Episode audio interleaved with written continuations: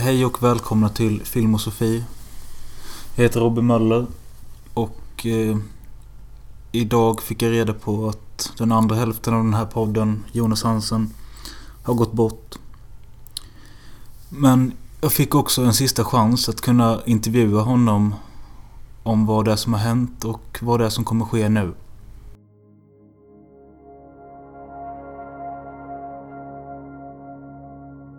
Hallå, hallå. Hur är läget? Ja du. Läget är väl ändå rätt OK får jag säga. Det, det skönaste med att vara död är ju att eh, alla grejer och allting jag höll på med i eh, det verkliga livet med quotes-tecken då. Eh, är någonting jag inte ens tänker ett skit på längre. För redan när jag kände att jag var på väg att dö så fick jag ändå en sån här skön kick av att ja, nu flyter alla problem jag har ur mig typ. Och Men ursäkta att jag avbryter men jag bara undrar hur gammal är du nu när du har dött? Eller hur gammal var du när du dog? 43. 43. Okej. Vart bodde du i den åldern? New York. New York. Hade du ett fint ställe eller? För tillfället så bodde jag i en lägenhet, typ i någon sån skyskrapa-grej. Kan du beskriva lite hur det ser ut där inne? Jo, men om ni har sett American Psycho ungefär. Så ungefär som hans lägenhet fast mycket mer abstrakt konst. Och många flickiga grejer. Ja, Patrick Batemans lägenhet är väldigt steril. Och stilren, ja. Ja, men så din, din var mer spacad liksom. Ja. Hade du några speciella grejer där inne? Nej. Det hade jag inte. Nej, alltså typ jag tänker typ akvarium eller vapen eller något. jag vet Ja men det var ju det här som är det sjuka nu när jag dör då. För nu tycker jag ingenting av det där jag hade direkt var speciellt så. Utan även det slutade att att ha betydelse för mig. Typ direkt på en sekund bara. Visst, jag hade jättemånga tjusiga grejer. Jag hade typ ett eh, guldigt samurajsvärd och en guldig Colt 1911 och massa så här pimkläder och sånt som var assnygga. Typ så här abstrakta konstkläder och skit. Ehm, Tajta brudar på ja, men det jag tänkte, hoodies jag och tänkte komma till det. Hade du någon familj? Alltså Ingen någon familj, jag hade en flickvän hade jag. flickvän? Hur gammal var hon? Hon var nog också min ålder. Hon ville aldrig erkänna det jag vet men eh, hon var väl typ där runt 39. Kan du beskriva hur hon såg ut?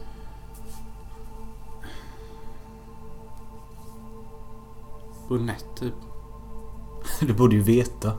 Ja, men det var någonting som var ganska speciellt. Ja, Jag vet inte om minnet sviktar nu när man är död men du Jo, borde ju men veta hur din flickvän ser ut. Lite, men alltså saken är nu när jag har dött så så har jag liksom penetrerat en annan dimension och det betyder det att jag inte ser människor eh, som ni ser människor typ. Alltså ni ser ju kött, hud, ögon, hudfärg, viss typ av hårstil, kläder. Eh, jag ser mer en slags rörlig karta av färger. Jaha, okej. Typ som ljudvågor. Vad är hon för färger då?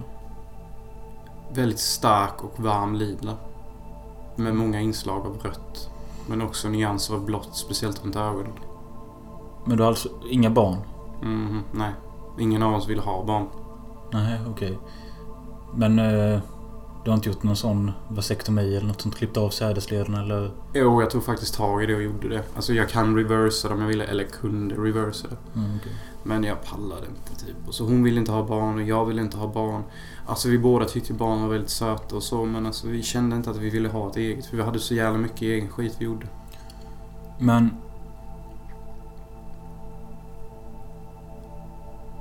Vad är det som har gjort att du kan bo i den här skyskrapan i New York? Alltså hur har du kommit dit? Alltså startskottet var ju Eyes of the Sun. Det var ju det. Den du gjorde 2016 där. Ja, jag redigerade den hela 2016 och gjorde ett mästerverk av den. Den tog hela Sverige med storm och den kom till Cannes och alla älskade den. För det var en sån nyskapande sektfilm liksom. Det var ju hela här att det var såna jävla sociopater som levde i någon slags hyper-reality-värld. Och eh, alla dessa färger och alla scener. och Att det var det här exploitation action blandat med djupa knarkproblem och faktiskt en karaktär som eh, betalade för att gå och mörda en annan kille för att han ville uppleva känslor och hur djupt han kom ner i hålet efter det och hur sekten bara tog tag i honom. Men vadå, vad hände med filmen? Alltså, blev, fick du pengar för den eller fick du liksom bara ett namn eller vad blev det? Ja du. Det blev ju ändå en del cash med tanke på att det kom till cancer. Men jag vet inte om det var så mycket cash egentligen. Det var mer att vi alla fick ett namn som var med i filmen. Det gick jättebra för hon Marlene Dalenbeck sen som spelade min syster i filmen. Hon var både poledancer och så sjukt vacker ut när filmen gjordes och hon kunde fortsätta och göra en karriär inom typ mode och andra småroller. Vilket hon gjorde också. Ehm, de andra blir mer bara såna här små kultkändisar typ som folk bara Åh, kolla här. Så typ kunde de ta en snap. Kolla jag står med B-kändisen från den här filmen. Så de blev så här. Ingen som, alla som var med i filmen hade väl inte direkt... Men steget från eh, alltså, Sverige till New York, det måste ju skett på något sätt. Ja, nej men steget från Sverige till New York. Vad fan kan jag säga? Eh, jag åkte ju runt och gjorde lite film och efter jag hade gjort Ice of Summer, eftersom den var på engelska så blev jag anställd av många utomländska företag sånt. Så jag gjorde ju filmer typ i både Europa och sen så landade jag rätt mycket i USA och gjorde skit för att liksom min engelska är väl bättre än typ min europeiska typ. Och Men hur... Ditt liv i New York, hur gammal är du när du kommer dit? jag är typ 27. 27. Ja. Eh, vad gör du då? Alltså fester eller filmar du eller vad Jag gör du? festar ju mycket klart. Det la jag ju inte av mig. Och sen så när jag träffade alla de människorna där i New York och sånt. Då blir det ju rätt hård fest också och sånt. Och Är det droger inblandat? ja, det är ju klart. Jag röker på, tar någon lina då och då. Um, poppar säkert något piller om jag minns säkert rätt. Men alltså det är ju fortfar- jag är fortfarande svensk by heart. Så det var ju mest alkoholen då. Det blir det ju. Det är liksom smidigt så här typ. Man kan ta en bärs utan att bli så jävla väck. Det är ju inte samma sak med piller. Tar man ett piller då är man ju kaos sju timmar liksom. Jag glömde fråga vad din flickvän hette. Miranda Vela Cruz de la Hoya. Och det var din... Träffade du henne direkt i New York eller... När träffade du henne? Mm, hon var med på någon inspelning typ. Eh, vi skulle spela in eh, Dead Ranger 3 typ. Det var en jävla... Det var en sån jävla B-exploitation filmserie som gick då. Och eh, hon var typ... Inte bir... Var hon regissör? Nej, vad fan var hon? Ja, Jag minns inte, jag träffade henne där då i alla fall. Ja men hon var inte, hon var inte skådis. Var det på någon fest efteråt eller vadå? Nej men jag tror hon var sminkansvarig faktiskt. Ja, okej. Och ja, det var hon. Herregud. Nu när man har dött så slutar såna här grejer ha betydelse. typ. Men hon var sminkansvarig för... Men det var liksom din första flickvän där? Alltså det är din Ja, herregud. första och enda flickvän? Ja. Men det räcker väl. Varför ha fler? Nej, det är sant. Men alltså då träffade du några big shots där som du blev polare med och så eller? Mm, jag träffade Quentin Tarantino någon gång. Då fick jag äntligen en chans att säga åt honom att du kanske ska tänka på att ha lite mer hjärta i dina filmer. Alltså du skriver jättebra dialog och sånt, no doubt. Men att se på dina filmer är som att... Ah, jag vet inte. Typ... Vad är ditt hjärta man? Alltså, har du aldrig varit kär? Har du aldrig känt att livet kan vara jobbigt? Har du aldrig liksom träffat människor och lyssnat på dem? När man ser hans jävla filmer så är det som att man ser... eh, Ja, ni vet ju hur han tjatar hela tiden. Det, det är inget hjärta. Det är ju inte människor vi ser på filmen. Nej, helt klart. Det är ju idéer, typ. Eh, pelare av visioner, typ. Det är ju inte... Alltså... Man kan ju aldrig gå in och se en Tarantino-film och förvänta sig att någon kommer stirra ut mot rutan och säga typ önskar bara jag kunde vara en bättre människa för min jävla flickvän tycker jag är så jävla elak. Alltså det är aldrig någon som säger något sånt och sen menar det. Jag vet inte om det påverkade honom för han gjorde ju den här filmen Four Roses on a Velvet Grave sen. Och det var ju någon slags Giallo-tribute. Han slutade ju aldrig med det den jävla. Men den hade nog mest hjärta av alla. Faktiskt. Eh, då hade han någon kvinnlig karaktär som... Liksom, hon var mördaren. Det var ju också rätt snyggt att hon som det handlade om hela tiden var mördaren som var så här förväxlings. Men... Hon tjatade hela tiden om typ att jag borde vara en bättre människa. Och sen så när det visade att hon var mördaren i slutet så fick hon all den skiten på sig typ. Och det var, det var ganska strångt. Det kanske jag hade något att göra med. Men ja, sen träffade man ju massa kändisar hela tiden. Man såg ju Mark Wahlberg. Man såg ju hon svensken, vad hette hon som var med i Andra Avenyn? Alicia Vikander. Alicia Vikander träffade någon och vi blev ändå rätt bra polare typ på något konstigt sätt. Vilket gjorde att jag också umgicks en del med Michael Fassbender. Som hon nog fortfarande är ihop med. Vilket var gulligt för då kunde jag också till slut efter ett tag när vi började lära känna varandra bättre så erkände jag att jag tyckte inte... Jag tyckte det var skumt att hon fick Oscar för Danish Girl.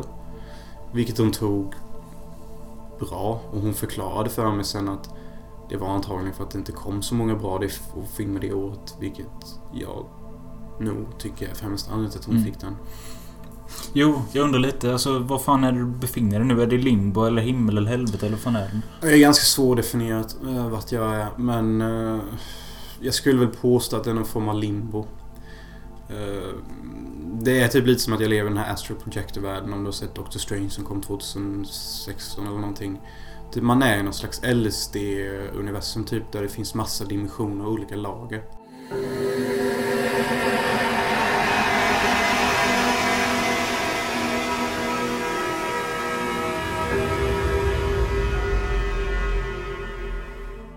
Och jag läste någonstans att vi människor ser bara 2% av allting som finns att se. Och nu är det som att nu ser jag 100% och det är därför jag inte ser människor som okej. okej. hudfärg utan jag ser liksom alla dimensioner av alla lager på dem.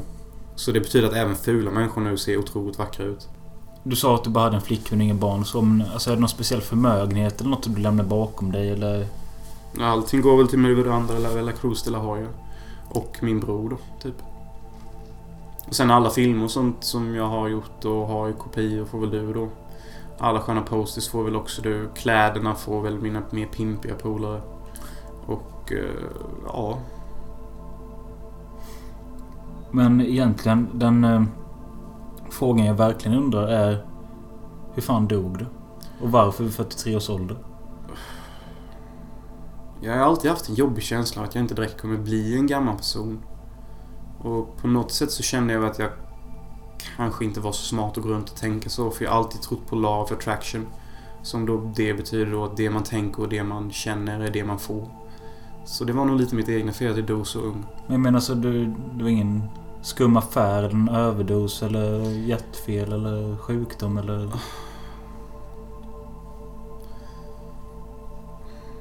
Är det svårt att minnas? Ja, det är jävligt svårt att minnas för jag kommer inte riktigt ihåg faktiskt.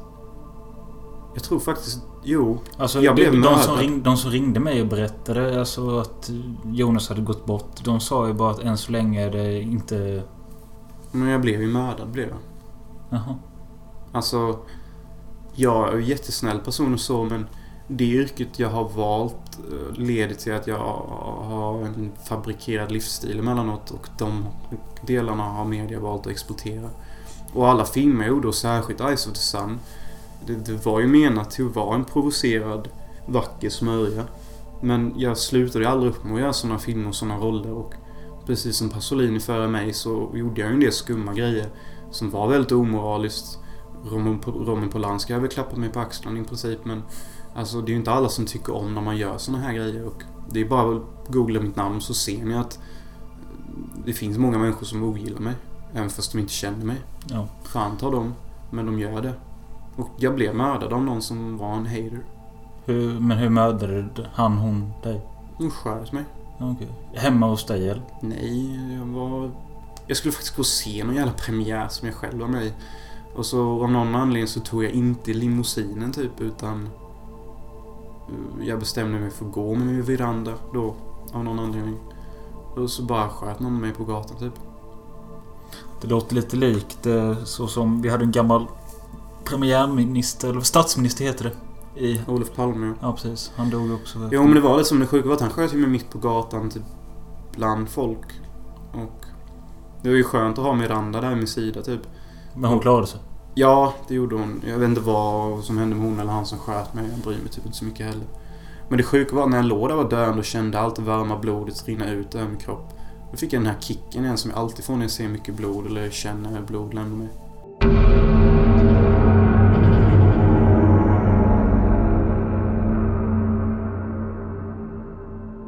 Det, det var ändå något skönt vid döden som jag beskrev och alla problem och sånt man hade för det har man ju fortfarande vid 43 års ålder även fast man är rik och känd. Men eh, jag undrar med. Hade du något sista ord?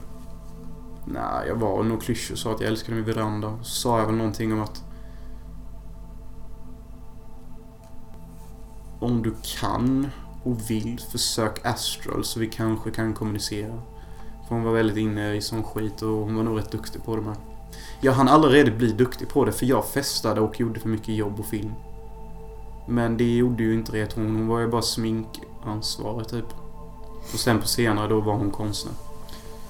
Det är därför det var en massa flummig skit i vår lägenhet. Hon hade de mesta prylarna faktiskt. Hon var konstnär liksom.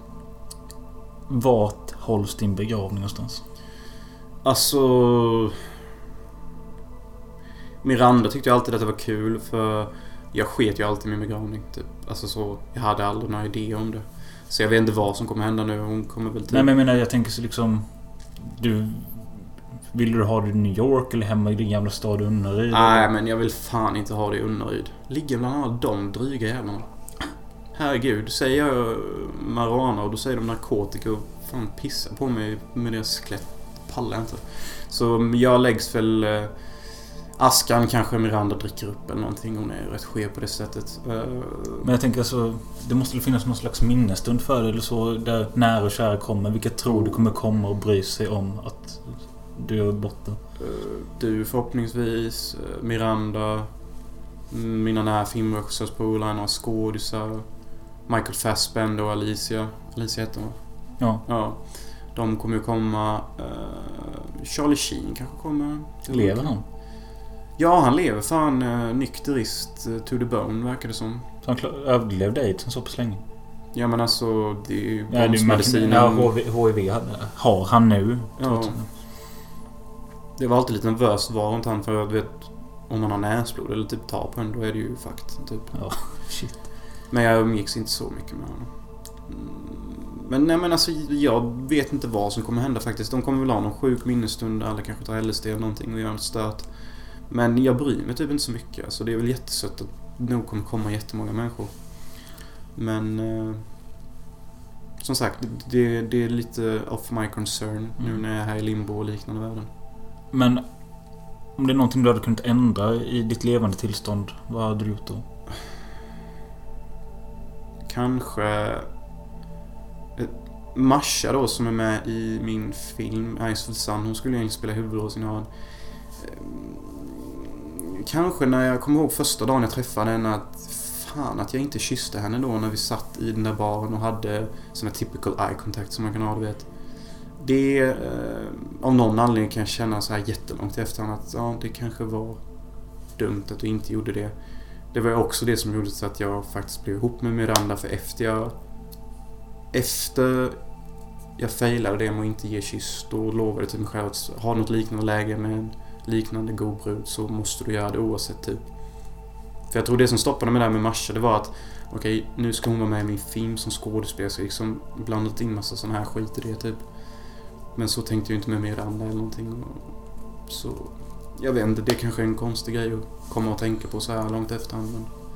Alltså annars är det inte så mycket grejer jag ångrar. Kanske något filmroll där och där. Typ jag kanske hade velat göra någon mer science fiction typ. Man kanske bara, det kanske inte är så mycket man ångrar. Snarare det att man kanske önskar man gjorde mer. Mm, jo, jag fattar.